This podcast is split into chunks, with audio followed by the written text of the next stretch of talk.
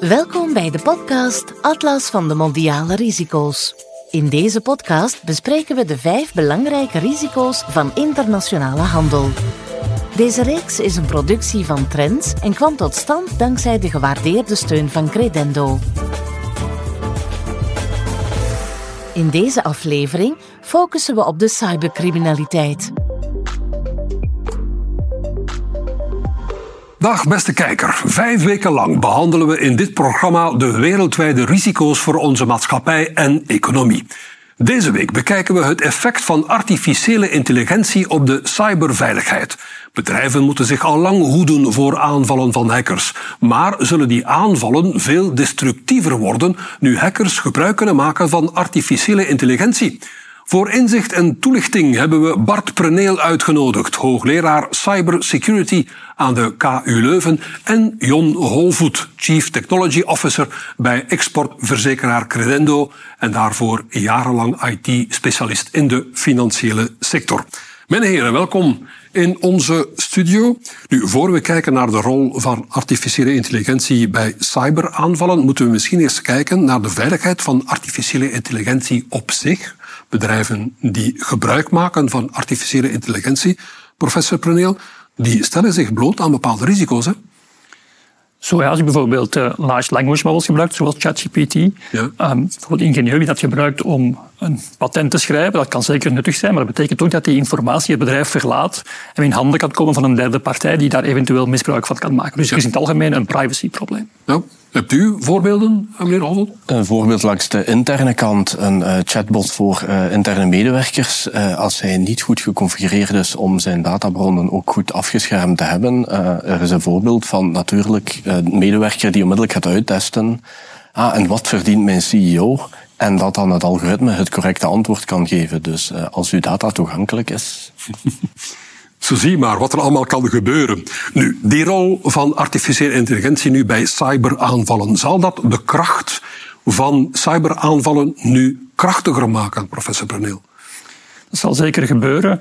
Een van de grote problemen vandaag zijn phishing-aanvallen, waarbij men slimme mail stuurt, waarbij men probeert een CEO of een CFO te overtuigen om bijvoorbeeld grote betalingen te doen. En bij het opstellen van die mails kan men nu gebruik maken van die ChatGPT, dus heel clevere tools. Die mails kunnen beter gericht zijn en zich beter aanpassen aan de context. Die kunnen zelf een hele conversatie voeren.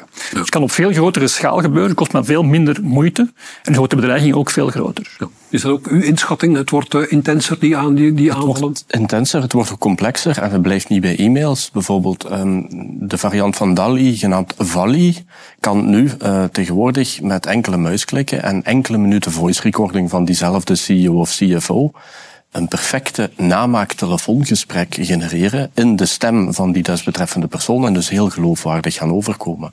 En daar is de, instap, de, de, de drempel om in te stappen zo laag geworden, waar dat men vijf jaar geleden bijna een doctoraat moest hebben om met die technologie onder, om weg te kunnen, is het nu gewoon een platform. Ja, maar de positieve kant van de medaille is dan wel misschien dat bedrijven ook gebruik kunnen maken om zich van artificiële intelligentie om zich te verdedigen tegen cyberaanvallen, professor.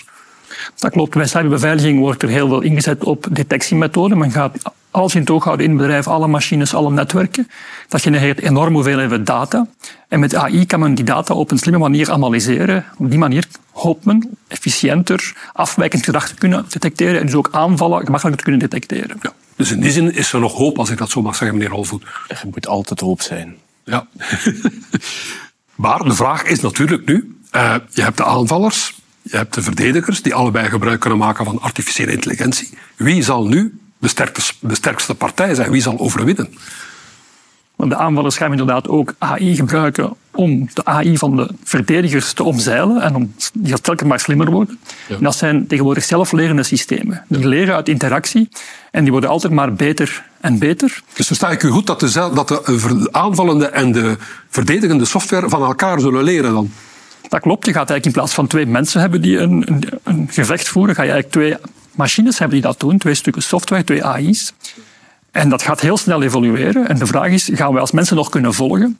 En gaan cyber-experten nog begrijpen wat er eigenlijk gebeurt? We gaan maar dat gevecht kijken en we kunnen alleen maar hopen dat de verdedigers winnen. Ja, dat is dus eigenlijk slecht nieuws. Als we alleen maar kunnen hopen dat de verdedigende software wint. Dus we zitten hier voor een enorm risico. Hoe moet ik dat begrijpen?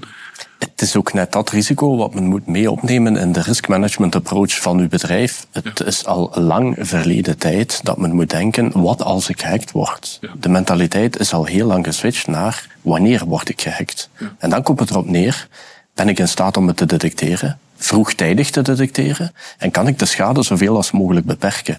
Dus ook met een soort layered security gaan werken, waarbij dat een minuscuul entree niet onmiddellijk desastreuze of catastrofale gevolgen heeft.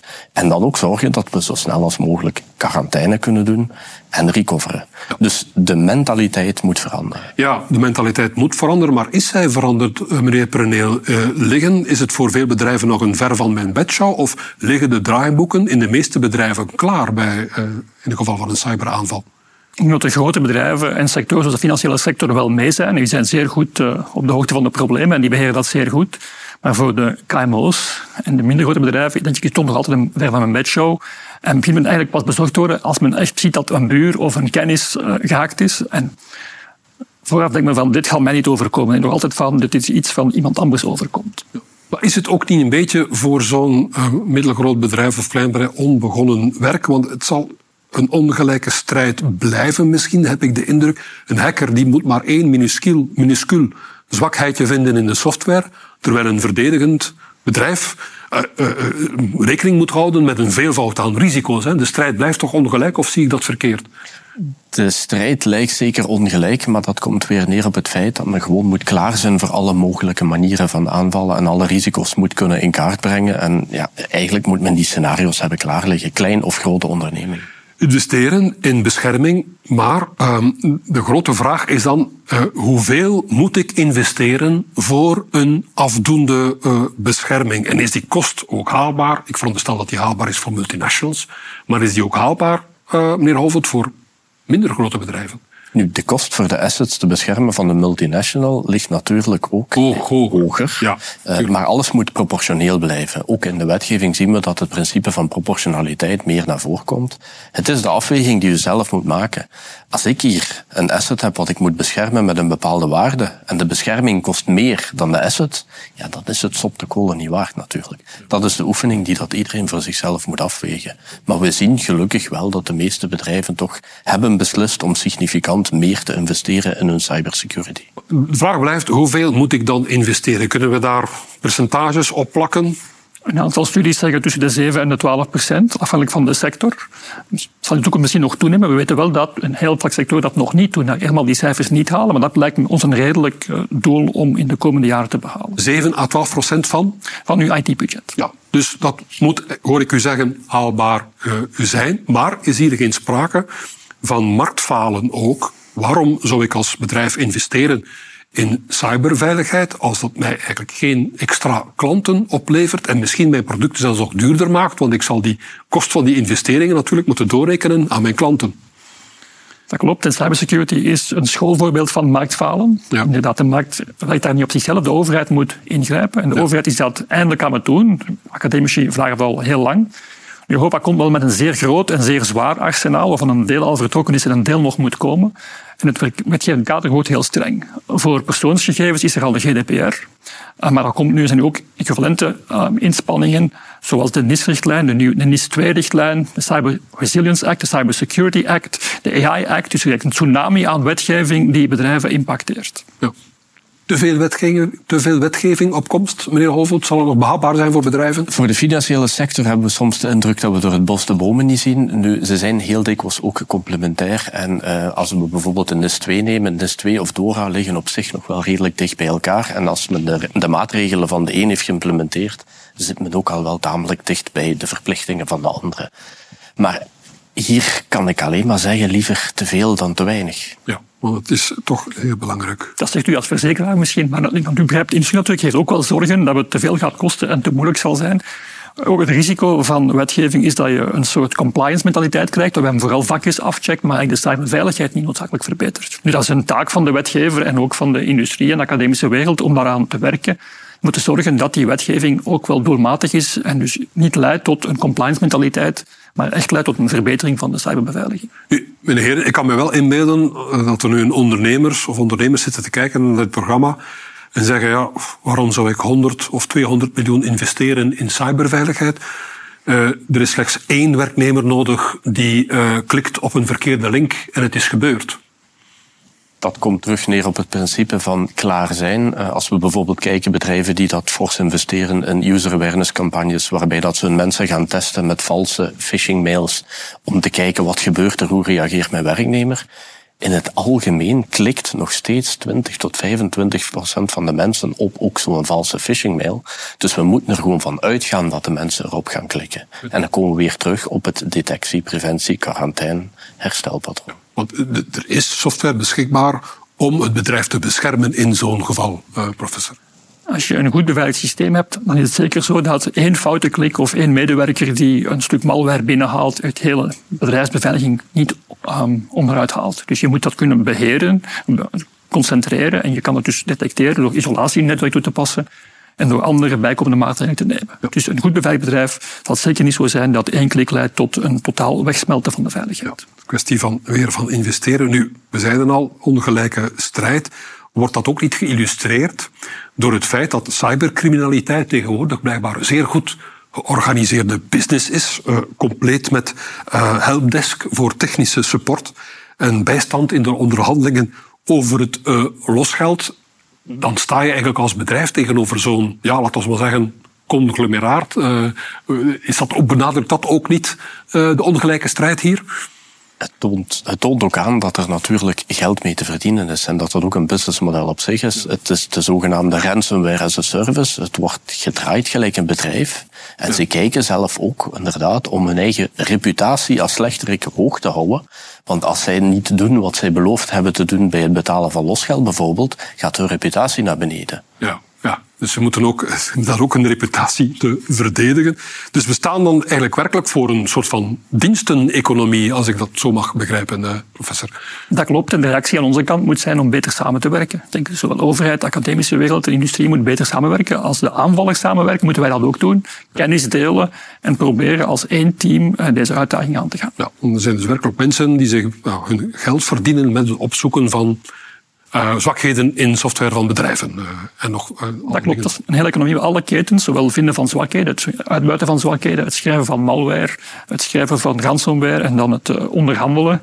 al die dingen die worden aangeboden als commerciële diensten. En daar is een markt voor, juist zoals wij zelf digitale diensten hebben in de normale wereld voor onze gewone economie. Ja, commerciële diensten, daar is een markt voor. Zeg u, mag je dan eigenlijk ook aannemen, mijn heren, dat er waarschijnlijk veel meer bedrijven aangevallen worden dan er naar buiten komt? Maar wat we echt zien in de pers is het topje van de ijsberg. Ja. En nu, de cijfers over cybercriminaliteit en aanvallen zijn ook wel vaak overdreven, want op dit moment weten we bijvoorbeeld dat de hele cybersecurity-industrie slechts 200 miljard dollar is. Dus Europa beweert soms dat het duizenden miljarden dollar schade komt door cyberaanvallen. Lijkt niet heel realistisch als de bedrijven maar een 200 miljard investeren globaal in cybersecurity. Ja. Maar nu is het wel degelijk een zeer groot probleem. En als bedrijf natuurlijk ga je niet publiek gaan tenzij je echt niet anders kan, want er is ook reputationele schade. Ja, tuurlijk. Ja. Nu, um, u had het er al even over. Um, um, die betrouwbaarheid van die cybercriminelen, hoe raar en contradictorisch dat dat ook klinkt, meneer Holvoet. Moet ik betalen aan zo'n hacker of betaal ik beter niet? Wat, wat, wat, hoe staat u daar tegenover? De algemene richtlijn is natuurlijk uiteraard om niet te betalen. Ja. maar soms is het ook gewoon een kwestie van niet anders kunnen. Omdat bij zo'n aanval, wat dikwijls gebeurt bij ransomware, is dat de aanval, de echte aanval, eigenlijk al maanden ervoor heeft plaatsgevonden. Dat men al lang in jullie systemen zit en dat men bijvoorbeeld ook al alle backups aan het infecteren is. En als men dan daadwerkelijk de detectie doet bij de trigger van de activatie van de malware, dan gaat men proberen te recoveren naar de situatie van gisteren, vorige week, mhm. vorige maand. Als men dan ziet dat men eigenlijk geen data meer heeft om te herstellen, dan staat men voor een voldongen feit. Ja, maar heeft dat ook geen moreel probleem, professor? Als ik betaal als bedrijf, dan ben ik er vanaf. Maar dan maak ik die hackers financieel sterker, die nu nog meer bedrijven kunnen aanvallen. Hè? Klopt, een deel van hun winst investeren zij in nieuwe aanvallen. En dus ook zijn er overheden die overwegen om wetgeving wettelijk op te leggen dat het verboden is om te betalen. De industrie kan zich voorbereiden door te zorgen dat zo'n systeem waarbij al je backups ook vercijferd zijn niet kan. En je moet eigenlijk een grotere onafhankelijkheid hebben, een grotere robuustheid, dat je nooit in een positie komt dat je echt niet anders kan. Ja. Hier kan ik ook alleen maar weer de raad geven dat ook het bestuur van uw bedrijf op voorhand daar ook een denkoefening over doet. Wat als dit gebeurt? Hoe gaan wij reageren? Zijn wij hiervoor klaar? Wat is onze gewenste positie? Ja. Dus het komt dus altijd weer neer op die bewustwording, zich voorbereiden, de draaiboeken schrijven en ook voldoende willen investeren.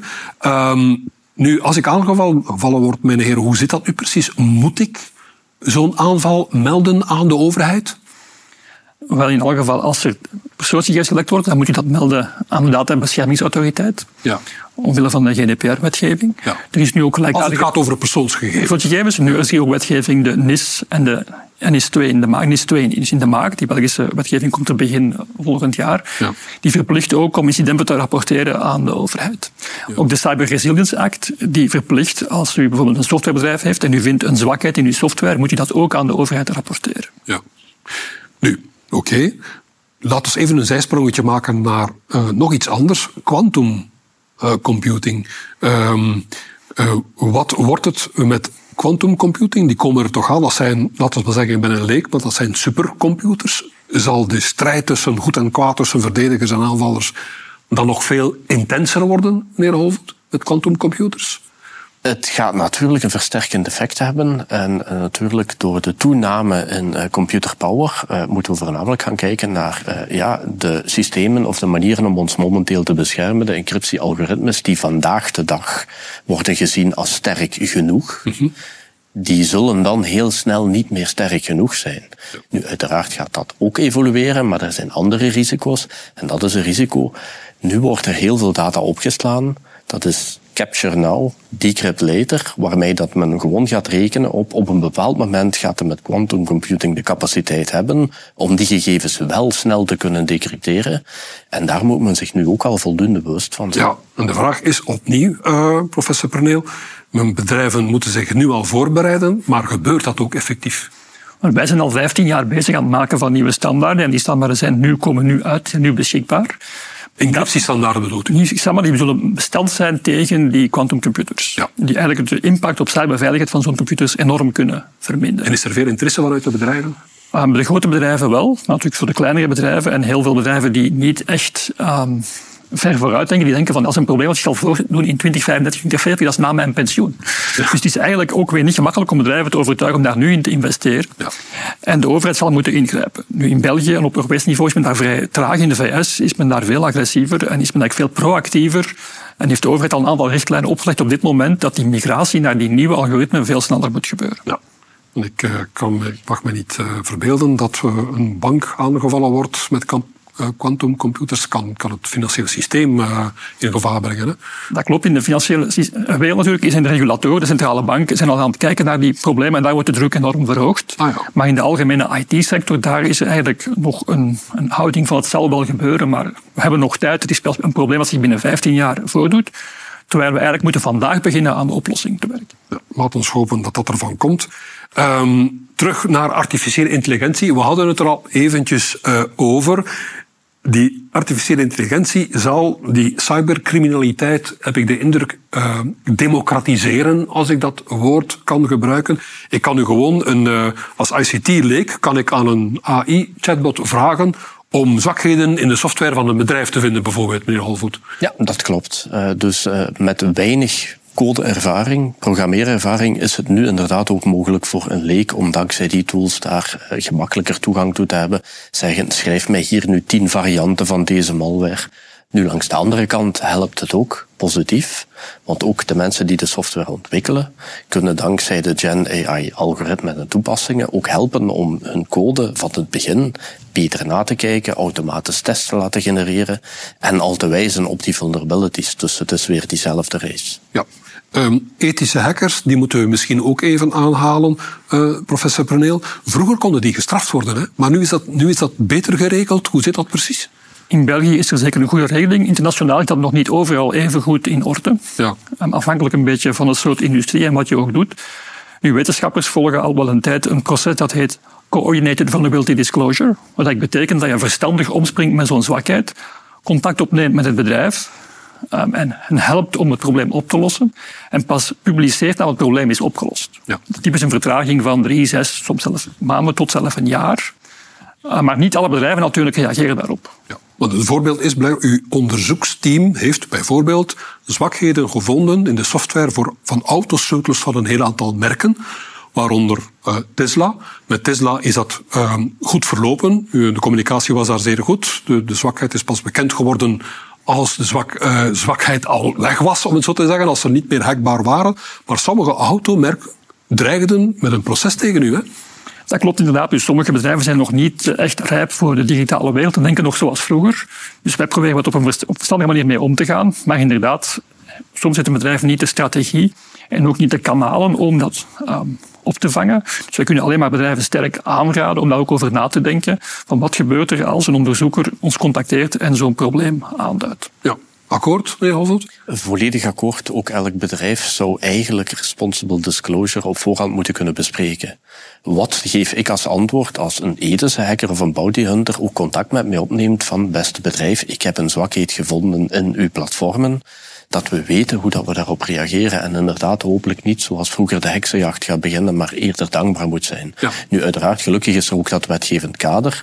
Want ja, ethisch of niet ethisch, er is ook een tijdje de trend geweest van de bounty hunters als werkzaamheid. Dat u, u hebt het daarover bedrijven die een beloning uh, geven aan iemand, een ethische hacker, die een zwakheid vindt. Of een ethische hacker die, die probeert het bedrijf natuurlijk te, eh, op te dringen van wat gaat u mij hier nu voor betalen? Dus daar is nu ook gelukkig in België een wetgevend kader voor. Ah, zo. Want het probleem is daar ook, dacht ik, dat veel bedrijven, professor Proneel, een beloning uitloven voor een hacker die een zwakheid vindt, die dan wel uh, belonen op voorwaarde dat die hacker wel niet bekend maakt hoe hij die zwakheid in de software van dat bedrijf gevonden heeft. En dat is dan eigenlijk ook jammer, omdat andere bedrijven daar dan niet kunnen uit leren. Dat klopt inderdaad. Dus zo'n bounty-programma geeft een bedrijf meer controle over wat er juist gebeurt. En je gebruikt eigenlijk geld als motief om het beter te controleren. Niet alle bedrijven um, hebben dat als voorwaarde, een aantal wel zeggen wel van als u uh, die beloning opstrijkt, dan mag u er niet over praten. Andere bedrijven zijn wel meer transparant. En natuurlijk allemaal met een vertraging. Hè? Want als je zo'n probleem vindt, dat kan een enorme impact hebben. Dus het kan wel zijn dat een bedrijf zegt, zes maanden of twaalf maanden lang gaan we wachten. En gaan we dat niet publiek maken tot het probleem is opgelost. Ja, je moet er toch... Ja, de reputatie kan er toch aangaan, hè? Uh, meneer Hovelt, als zo'n bedrijf moet bekennen van ik ben gehackt geweest? De reputatie kan er aangaan, maar ik denk het proberen in de doofpot te steken kan nog zwaarder natuurlijk terug naar boven. Want het zal toch ooit eens naar boven komen waarschijnlijk. Daar, daar ben ik ook blij dat de mentaliteit begint te wijzigen. Hetzelfde terug met de werknemers. Oei, ik heb op een verkeerde link geklikt. Creëer een cultuur binnen uw bedrijf, waarbij dat het ook logisch is dat de werknemer zegt, oei, hier is precies iets gebeurd wat ik niet vertrouw, ik moet dat melden, zonder het risico te hebben dat hij of zij daar mogelijk voor gaat gestraft worden. Die cultuur moet gecreëerd worden binnen het bedrijf, want ook voor ons als professionals, het wordt steeds moeilijker en moeilijker om allemaal te detecteren. Ja, dat, dat vraagt mij ook af. Het zal ook te maken hebben, zeggen jullie, met opleiding van mensen. Langs de andere kant uh, gaan werknemers misschien zeggen, ja, maar mijn bedrijf heeft geïnvesteerd in uh, beschermende software. Dus ja, zo, zo oplettend moet ik nu ook weer niet zijn. Is er daar geen, zit er daar geen probleem, uh, meneer Pruneel? Maar het mag niet het een of het ander zijn, het moet eigenlijk allebei zijn. Ja. Je, moet, je personeel moet zich verantwoord gedragen. Dat geldt ook voor fysieke veiligheid. Als je een systeem hebt met badges en de mensen geven hun badge door aan iemand anders, dan krijg je ook een probleem. Dus de mensen moeten zich verantwoord gedragen, uiteraard. Maar je kan niet alles doorschuiven naar het gedrag van de gebruikers. Je moet ook technisch volledig in orde zijn. We moeten eigenlijk de sling laten terugslaan, die nu heel sterk is op detectie. Moeten we meer terug naar preventie van aanvallen en bouwen van veilige systemen. Dat is eigenlijk de uitdaging voor de komende jaren, denk ik. Maar moeten we hier ook niet durven zeggen dat je kunt nog zoveel uh, bescherming in de software inbouwen in uw bedrijf, dat 100% garantie is er toch nooit, hè, waarschijnlijk?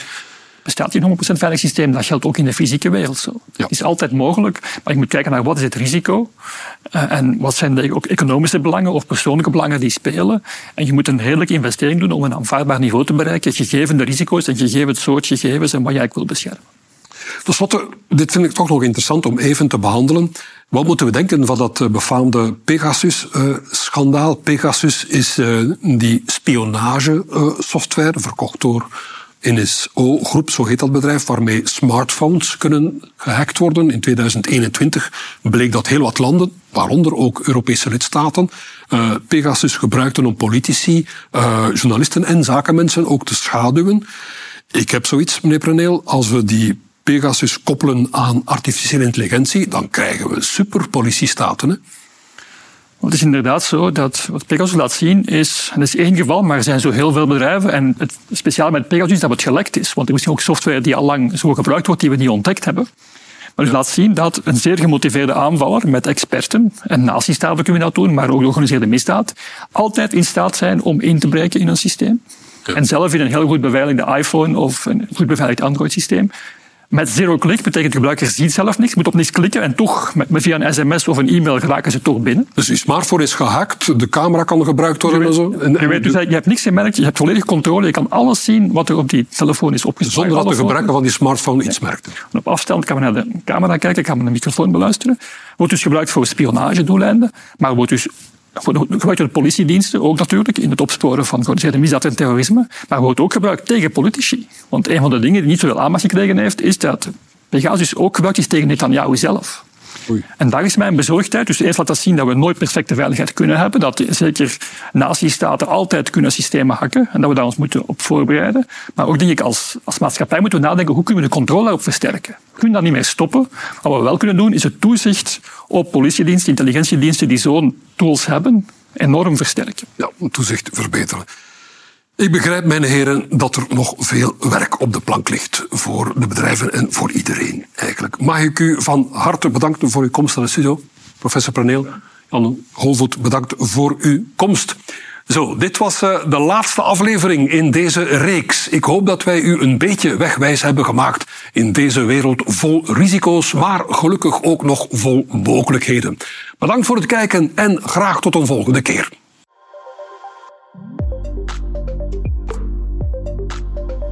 U luisterde naar de podcast De Atlas van de Mondiale Risico's. Deze podcast kwam tot stand dankzij de gewaardeerde steun van Credendo.